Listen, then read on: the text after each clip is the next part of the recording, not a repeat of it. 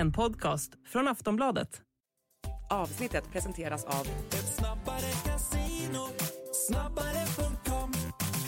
Stödlinjen.se, åldersgräns 18 år. Hej och välkomna till Åsiktskorridoren, en podcast från Aftonbladet Ledare. Idag ska vi prata om huruvida Sara Skyttedal kan ta Ebba Buschs jobb och kommer Donald Trump bussa Ryssland på oss? Borde Jamal El-Haj avgå? Och hur är det egentligen? Är Gucci-kepsar kriminell stil? En podcast från Aftonbladet Ledare.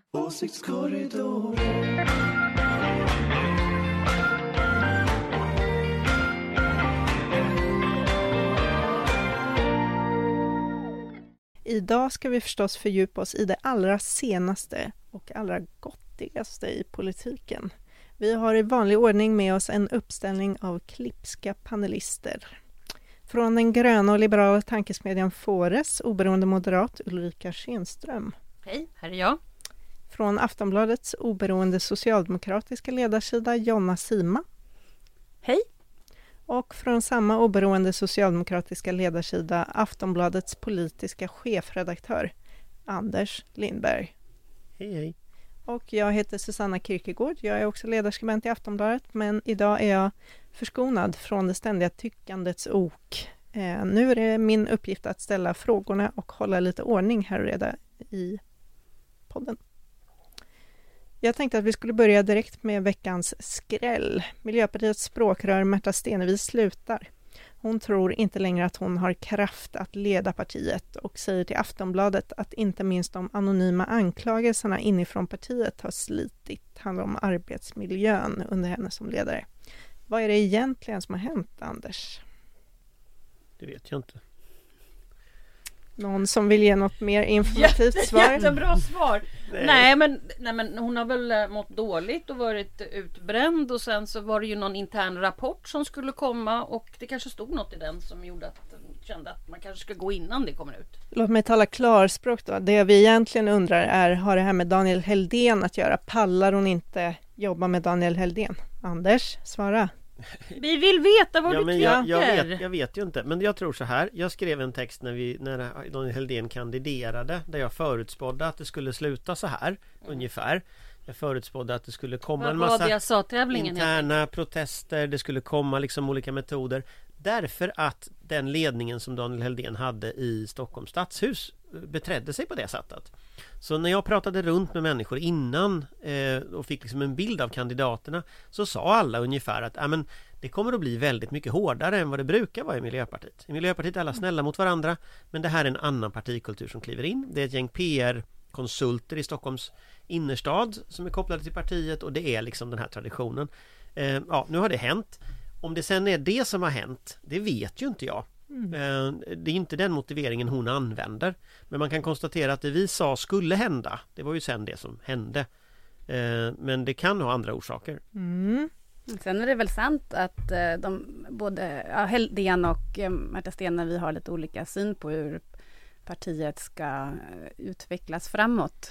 Hon vill ju att partiet ska bredda sig och vara ett parti som tycker och tänker i alla frågor medan Heldén ju vill fokusera på miljö och klimatfrågor. Mm. Eh, och eh, även om kommunikationen från Miljöpartiet har varit att det är frid och fröjd och att, att de kommer bra överens trots alla eh, schismer så, eh, så, så kunde man ju liksom, man behöver inte vara utbildad PR-konsult för att se att det inte var så god stämning mellan de två på bilderna.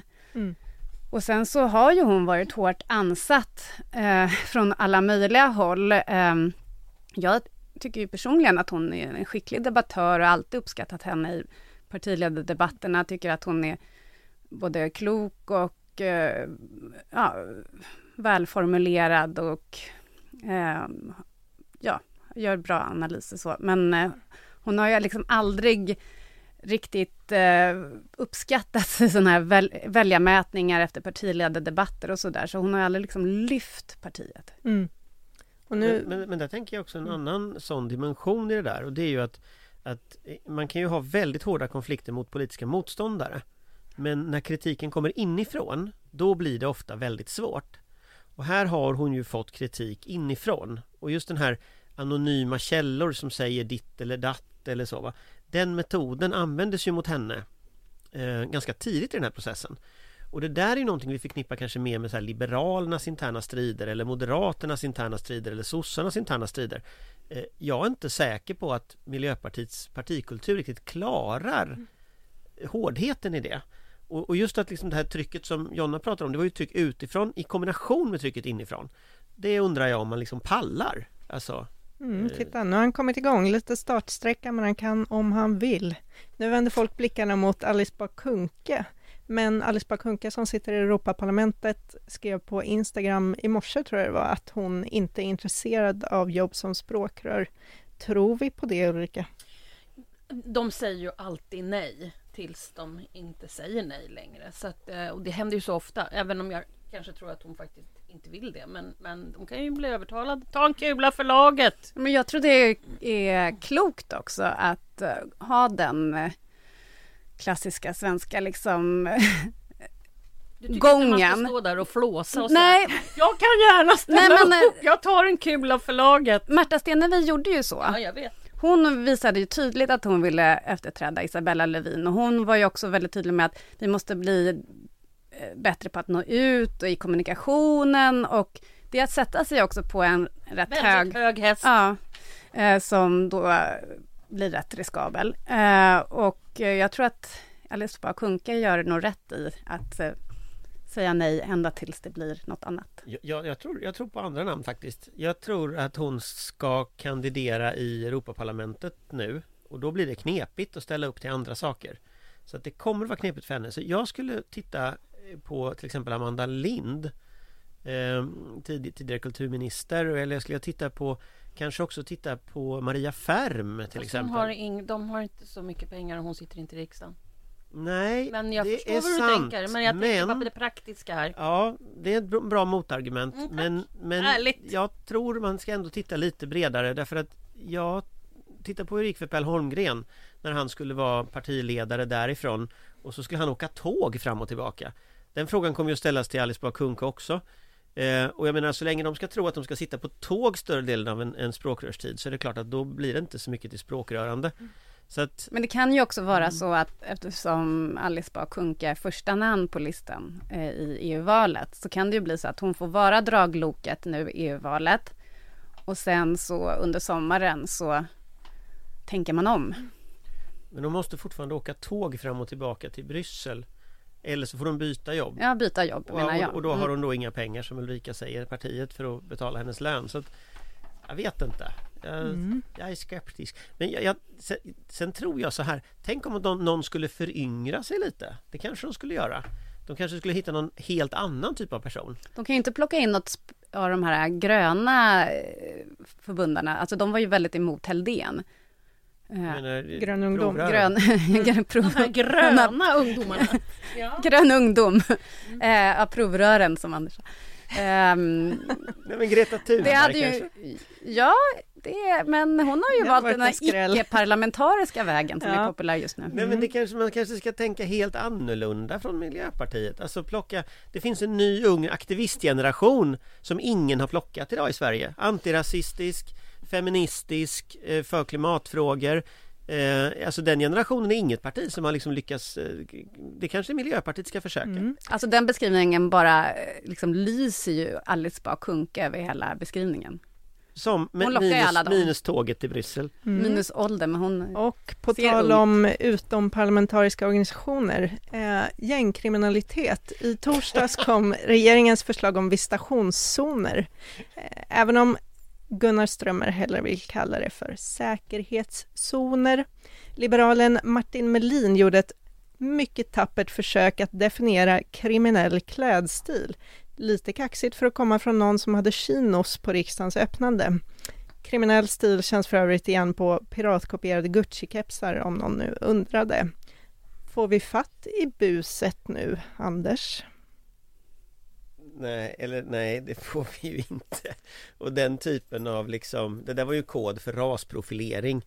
Det, det är ju huvudet under eh, Gucci-kepsarna, eh, det är ju det de tittar på. Och det huvudet eh, skulle jag nog säga ganska mycket kan definieras av hudfärg och hårfärg. Så att jag skulle säga att det här är en, en mer eller mindre liksom rasprofilering som man legaliserar här. Det huvudet är i Rinkeby, det huvudet är inte i, i Danderyd oavsett Gucci-keps. Gucci-keps. Hur Eh, vad säger du om det? Mm. Nej men alltså polisen har ju redan långtgående eh, möjligheter att göra visiteringar. Eh, så har, de har alltså långtgående möjligheter att visitera individer utan skälig brottsmisstanke även i jämförelse med våra eh, grannländer. Så att ni vet att det det här finns redan. Så att jag får, läser man experter och folk som kan det här så är det här helt galet. Har du något att tillägga Jonna? Nej, jag tycker att eh, du själv förtjänstfullt har skrivit på Aftonbladets ledarsida om eh, olika forskningsrapporter som också visar att det inte får bukt med buset med de här eh, visitationszonerna. Nej, och justitieombudsmannen har varit ute och också eh, varit emot. Så att jag, jag förstår inte riktigt. Men jag tror att det, här, det ska låta, även om han säger att det ska vara säkerhetszoner, visitationszoner, det låter som man tar kraftfullt äh, eh, krafttag. Liksom. Men det här kan ju kränka integriteten för människor och sådär, även med de lagar vi redan har. Men jag tänker också att, att det här spär på en liksom ja, en, en rasistisk diskurs för att använda liksom, eh, ett akademiskt ord. Eh, men att eh, man pekar ut vissa personer i, i samhället som eh, ja, inte, inte riktigt jämlikar. Och eh, att det också spär på liksom, föraktet för eh, samhällets liksom, institutioner, för polisen, där de, de själva ofta pratar om att det handlar liksom om, om vi ska få fler att vittna till exempel, så handlar det om att bygga förtroenden. Och det här är liksom kontraproduktivt. Ja, och är ju det risken. skapar Ju, och det skapar att öka polariseringen. Men det är ju antagligen det som är meningen. Så att det är väl inte så att någon inte har tänkt på det. Det blev ju också en stor debatt när eh, en socialdemokratisk företrädare spred en bild på Martin Melin när han läste en bok upp och ner. Och den visade ju sig sen då vara fejkad den där bilden så det blev ju också en pseudodebatt efter detta om så här fejkade bilder i sociala medier och så. Eh, men där tror jag ju faktiskt att den här bilden fångar någonting som de flesta ser när de ser Martin Melin Nämligen att han verkar inte ha koll på läget överhuvudtaget. Och, och det finns en jätterolig bild på honom Där de har tagit bilden på honom när han förklarar det här med Gucci-kepsarna och så har de tagit bilden av, av Gunnar Strömmers ansiktsuttryck när han tittar på Martin Melin när Martin Melin förklarar att det här handlar om att folk har Gucci-kepsar. Och han ser fullständigt skräckslagen ut eh, Gunnar Strömmer. Så jag tänker att liksom det här är också så att säga en folkpartism i sin yttersta liksom En form. ny kepsdebatt fast Ja men den här liksom förnumstiga, totalt frikopplade från verkligheten, inte påläst Knark är bajs argumentationen, alltså den här liksom fullständigt totalt frikopplat från allting som alla andra pratar om Men som är så, med ett självförtroende som är så gigantiskt liksom så Och det är bara en folkpartist som kan ha det här självförtroendet Här gick jag och vet, trodde vet att lär sig knarkebajs... tidigt i livet? Aldrig lita på en folkpartist. Här gick jag och trodde att knarkebajs är ledarsidans linje, men där ser man. På tal om rasism och bristande integritet så måste vi också ta upp migrationsminister Maria Malmer Stenegard som sagt till Aftonbladet att det bara är SD som har trovärdighet i migrationsfrågan. Samtidigt säger hon till Svenska Dagbladet att hon tycker det är tråkigt att Sverigedemokraterna lyckas ta åt sig äran för alla moderata förslag och för att ingen bryr sig om hennes migrationsvänliga förslag. Hur ska vi ha det, Ulrika? Det är svårt att veta faktiskt. Jag, jag har ingen aning om varför hon säger det på det ena eller andra sättet. Om jag ska vara riktigt ärlig. Och sen att säga att de har snott Moderaternas, det, var väl en, det var väl ändå SD som började? Var det SD som började, Anders? Ja, det var ju inte Moderaterna som började. Alltså när man ly- lyssnar på Fredrik Reinfeldt när han sa öppna era hjärtan som liksom upptakt till valrörelsen 2014 så tror jag rätt lite av hon Stenegards politik var med i det talet. Så att det var nog faktiskt så att det är Stenegård som har snott Moderat eller snott Sverigedemokraternas politik och nu går runt och låtsas att hon har kommit på det först. Eh, Jag tror faktiskt ingen går på det. Jonna? Juryn? Vad säger vi? Nej, jag får bara inte ihop argumentationen. Hon tycker att SD är de enda som har trovärdighet, men hon är sur för att hon inte får cred. Alltså, jag förstår inte riktigt hur det Nej. går ihop. Det men- gör man inte. Mm. Ja, det är var märkligt. lite misslyckad kommunikation kanske. Ja. På tal om andra märkliga saker riksdagsledamot Jamal El-Haj. Eh, Socialdemokraterna vill ju att han avgår efter diverse skandaler, men han själv har valt att sitta kvar i riksdagen som politisk vilde. Det är i alla fall så det ser ut nu. Är detta ett tecken i tiden, Anders? Det, allting är väl tecken i tiden och jag vet inte vad det här tecknet är ett tecken på. Men, men kanske så är det väl så här att om man rullar tillbaka historien från början så, så avgick väl han egentligen ett halvår för sent. Alltså, och, och, det är väl liksom ett problem då att han har liksom låst in sig och Socialdemokraterna låst in sig i den här liksom debatten. Och det kan man väl tycka är lite onödigt eh, som en fråga. Eh, sen är det ju så att han avgår ju för att han gick på en konferens som Socialdemokraterna uttryckligen sa åt honom att inte gå på. Eh, och så kan man ju inte göra som riksdagsledamot. Utan det är ju trots allt så att det står Socialdemokraterna överst på valsedeln. Det står ju inte hans namn. Eh, jag tror han fick ungefär 3000 personröster. Eh, så när han nu pratar om att liksom han med folkets mandat ska då sitta i riksdagen Han har inget mandat Jag 1300 så det är verkligen Nej jag tror att det var okay. 3000 men, men jag menar han har inget mandat Utan överst på den valsedeln står Socialdemokraterna, inte hans namn eh, Oavsett några kryss hit eller dit eh, så, att, så att nej han borde naturligtvis avgå Så är det ju men, men hela den här idén med vildar är ju faktiskt rätt konstig Vi har haft Vi hade väldigt många vilda perioden 2018 2022 Uh, nu börjar vi få de här vildarna igen, liksom så. Alltså något fel är det, ju. Det är ju liksom. väldigt spännande med de här vildarna för de kan ju rösta lite som happ här. Även om man inte... Nej, jag vet. Troligen kommer de inte göra det, men det kan bli spännande. Amineh Kakabaveh utnyttjade ju sin möjlighet mm. som vilde att ställa till med en hisklig oreda och det var mm. klart att det var ju underhållande at times.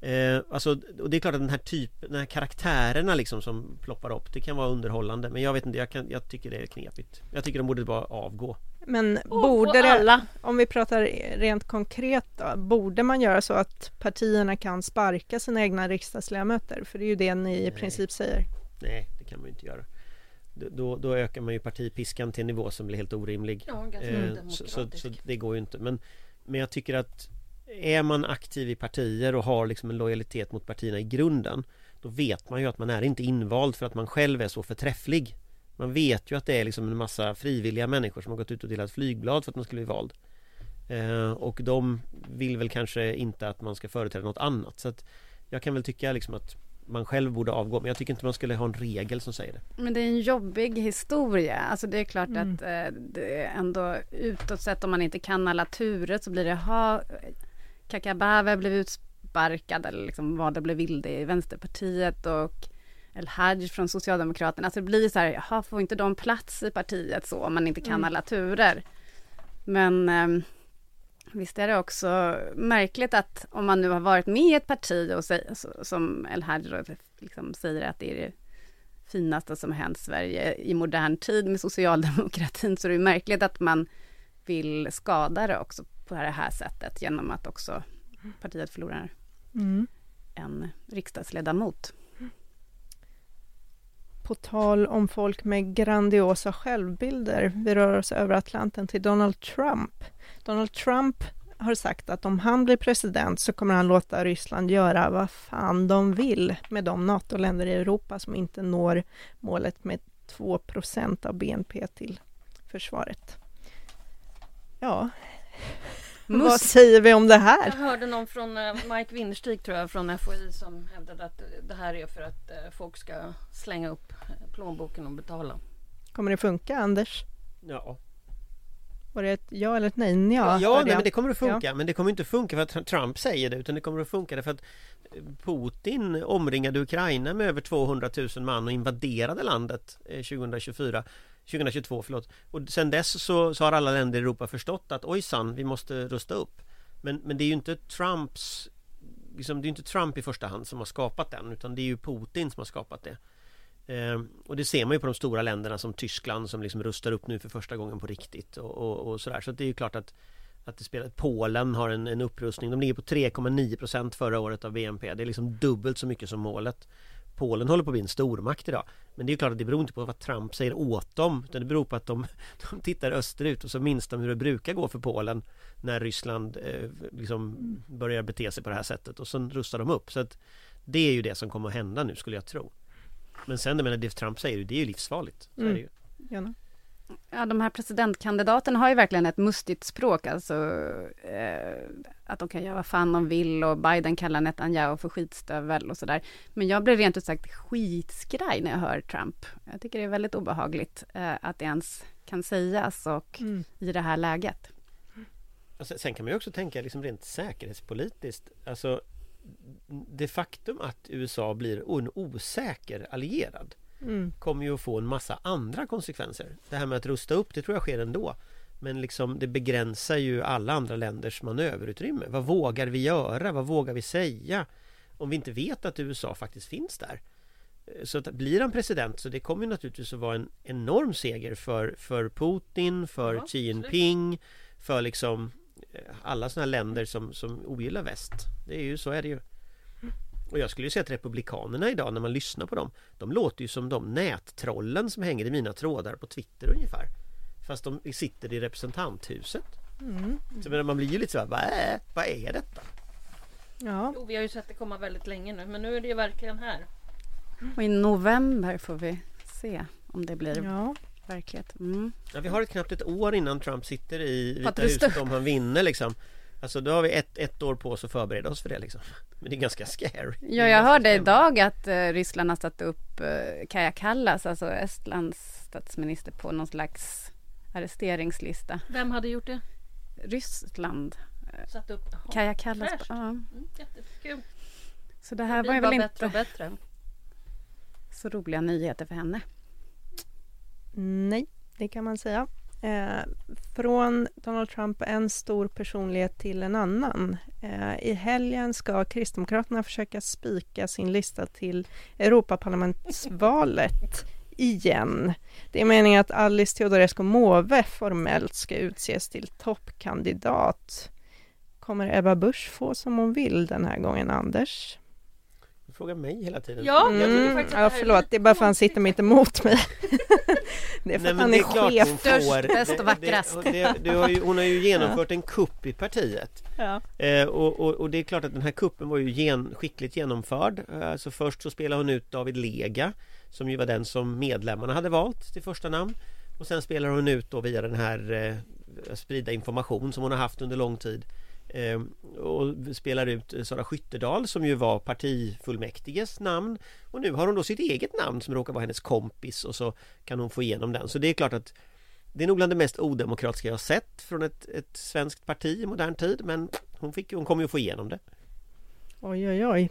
Jonna, säger vi om det? Vad tror du? Ja, nej, men jag tycker det är intressant att det verkar bli, liksom, eh, det här EU-valet blir ett val mellan ledarskribenter. Även inom Sverigedemokraterna har ju Dick Eriksson Ja, eh, blivit ett namn på listan och Jonas Sjöstedt är ju gammal partiledare visserligen, men han har ju varit Dagens opinions... Arena. Ja, skribent på Mm. Dagens Arena ett tag nu, så att eh, det är väl bara Socialdemokraterna som inte har lyckats värva någon än. Oj, var detta en Mm. kandidatur? Kandiderar du till något? Numret är... nej. Kandiderar du till någonting eller? Nummer är. Jag tror att... Swishnummer. Ja, swishnummer. Mm. Men jag skulle vilja Ja. veta vad Sara Skyttedal håller på med just nu. För att jag tror inte hon har gett upp att hamna på någon lista. Jag är, jag är helt säker på att hon på något vänster hon lurar i vassen. göra någonting. Listorna är väl tagna redan? Nej. De, jo, Inte den jag pratar om just nu. vilken pratar du om? KD var ju det som var frågan. Ja men Nej men alltså jag bara säger så här, jag vet inte alls var det här kommer landa. Jag säger bara det att det är inte en person som jag tror har gett upp. Jag tror inte att det är en personlighetstyp som lägger sig ner och bara köper läget. det, det jag är väldigt, väldigt hundra procent säker på det. Och därför säger jag bara att det kan ändå under den här veckan bli lite spännande att se vad som händer. Men tror ni inte det är så att orsaken till att Ebba Busch med de här metoderna då som ju måste sägas ändå vara historiska liksom att du, du, du manövrerar först ut en medlemmarna väljer sen manövrerar ut en partiet väljer och sen väljer du din egen Alltså det är ändå faktiskt något, något fantastiskt märkligt i detta Kan det inte vara så att hon gör det för att hon faktiskt är livrädd för Sara Skyttedal? Och att hon har en orsak att vara livrädd Ja, för Sara Skyttedal. Så, att, så att det kanske inte Sara är EU-listan. Nej, det, Det kan kanske vara var någonting annat. Det kan ju vara partiledarskapet. Exakt så, jag säger Så. bara att Ja. jag, vi har inte sett det sista Och då är det inte av den här Sara veckan. Nej, Det ju det kan hända saker den här veckan också men jag säger bara det att jag tror på något sätt att det kommer hända saker sen om det är den här veckan men hon kommer inte ge upp. Ulrika, du känner dina politiker. Jag känner Eh, absolut inte Sara Skyttedal. Nej, du känner, jag menar inte till personligen utan du känner till typen. Ja, jag Och, känner eh, till typen Jag och Anders ger upp. eh, var ju i Strasbourg och följde i sessionen i EU eh, där i förra veckan och vi var ett journalistgäng som träffade Sara Skyttedal och då sa hon just Ni har inte sett det sista av mig än. Exakt. Du ser! Du Mm. ser. Det blir ju så spännande. Olycksbådande. Eh, både men- det... Spännande Men, eller får, man, får, man, olycksbådande. får, man, får man säga en annan detalj i detta? Ja. Det pågår ju en del snack om eh, Ebba Buschs framtid. Eh, och, och, och jag menar, de har ju pratat, de, det har ju börjat flota såna idéer som att hon borde bli EU-kommissionär och sånt. Exakt. Och och det kan man ju vara liksom, då vet man att när man börjar prata om den typen av saker då händer det ju ofta saker på massa plan och sådär. Många plan. Och, och, och det är lite roligt ändå, alltså nu, nu alltså Sara Skyttedal lyckades öka KD i Europaparlamentet till, till eh, det bästa resultatet någonsin. Nu har med de här metoderna Ebba Busch rensat ut henne. Nu ser KD ut att knappt komma in. Och då blir det intressant att se, alltså eh, om det nu blir ett sånt valresultat som det ser ut att bli, hur påverkar det Ebba Busch? Kan det vara så att EU-valet också blir liksom någon form av kabinettsfråga? Liksom, Ja men det är för- klart, för och jag tror att det är så? många partier det kan hända saker om man inte får in alla sina eh, eh, parlamentariker och så. Alltså det här valet tror jag är jätte, jätte viktigt för nästan alla partier. Kan det bli en rockad alltså där Ebba Busch skjuter ut sig till Bryssel och Sara var- Skyttedal skuttar in och tar hennes plats? Och det var ju det som det var spekulationer om för några veckor sedan och i det så kallade klägget som jag kallar gegget. Men ja, det snackades väldigt mycket om det för några veckor sedan.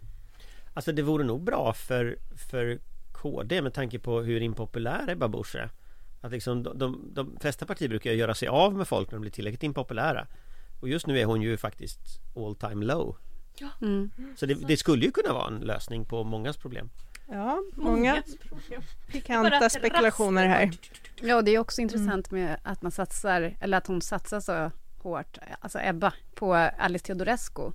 Eh, som inte har någon polit, politik, politi, politikervana. Och eh, också visst att hon är en eh, stark röst i offentligheten, men också ett ganska um, vad ska man säga, ett, ett track record som kanske förskräcker också. Alltså jag tänker på att uh, det var många som reagerade negativt när hon var på Göteborgs Postens ledarsida och gjorde om den från socialliberal till högerkonservativ. Bulletin gick ju som det gick för det projektet. Och ja, hon blev nog inte så populär på SVT heller för hanteringen här att bara hoppa av det här SVT-projektet till exempel. Så att eh, vi får se om hon lyckas bättre i Mm. valet. Både detta alltså och Mello i helgen, ingen brist på underhållning. Det är allt vi hinner den här veckan. Nästa vecka så blir det ingen åsiktskorridor för då är det sportlov i Stockholm. Jag vill passa på att be om ursäkt för att jag ställde alla frågor till Anders tydligen. Det har att göra med att vi har utvecklingssamtal snart. Om två veckor långt. så är vi tillbaka. Då tackar vi panelen så mycket. Tack Ulrika. Tack. Tack Jonna. Tack! Och sist av allt då, tack Anders. Tack. Och förstås ett mycket stort tack och en glad fet tisdag till dig som lyssnar. Det är för dig vi gör den här podden. Och nu har vi faktiskt fettisdag om 15 minuter Det heter väl för fan inte Vad fettisdag? fan heter det då? Men vi har det om fet 15 tisdag. minuter har vi nere. Fettisdag. Grovt. Ja. En podcast från Aftonbladet Ledare.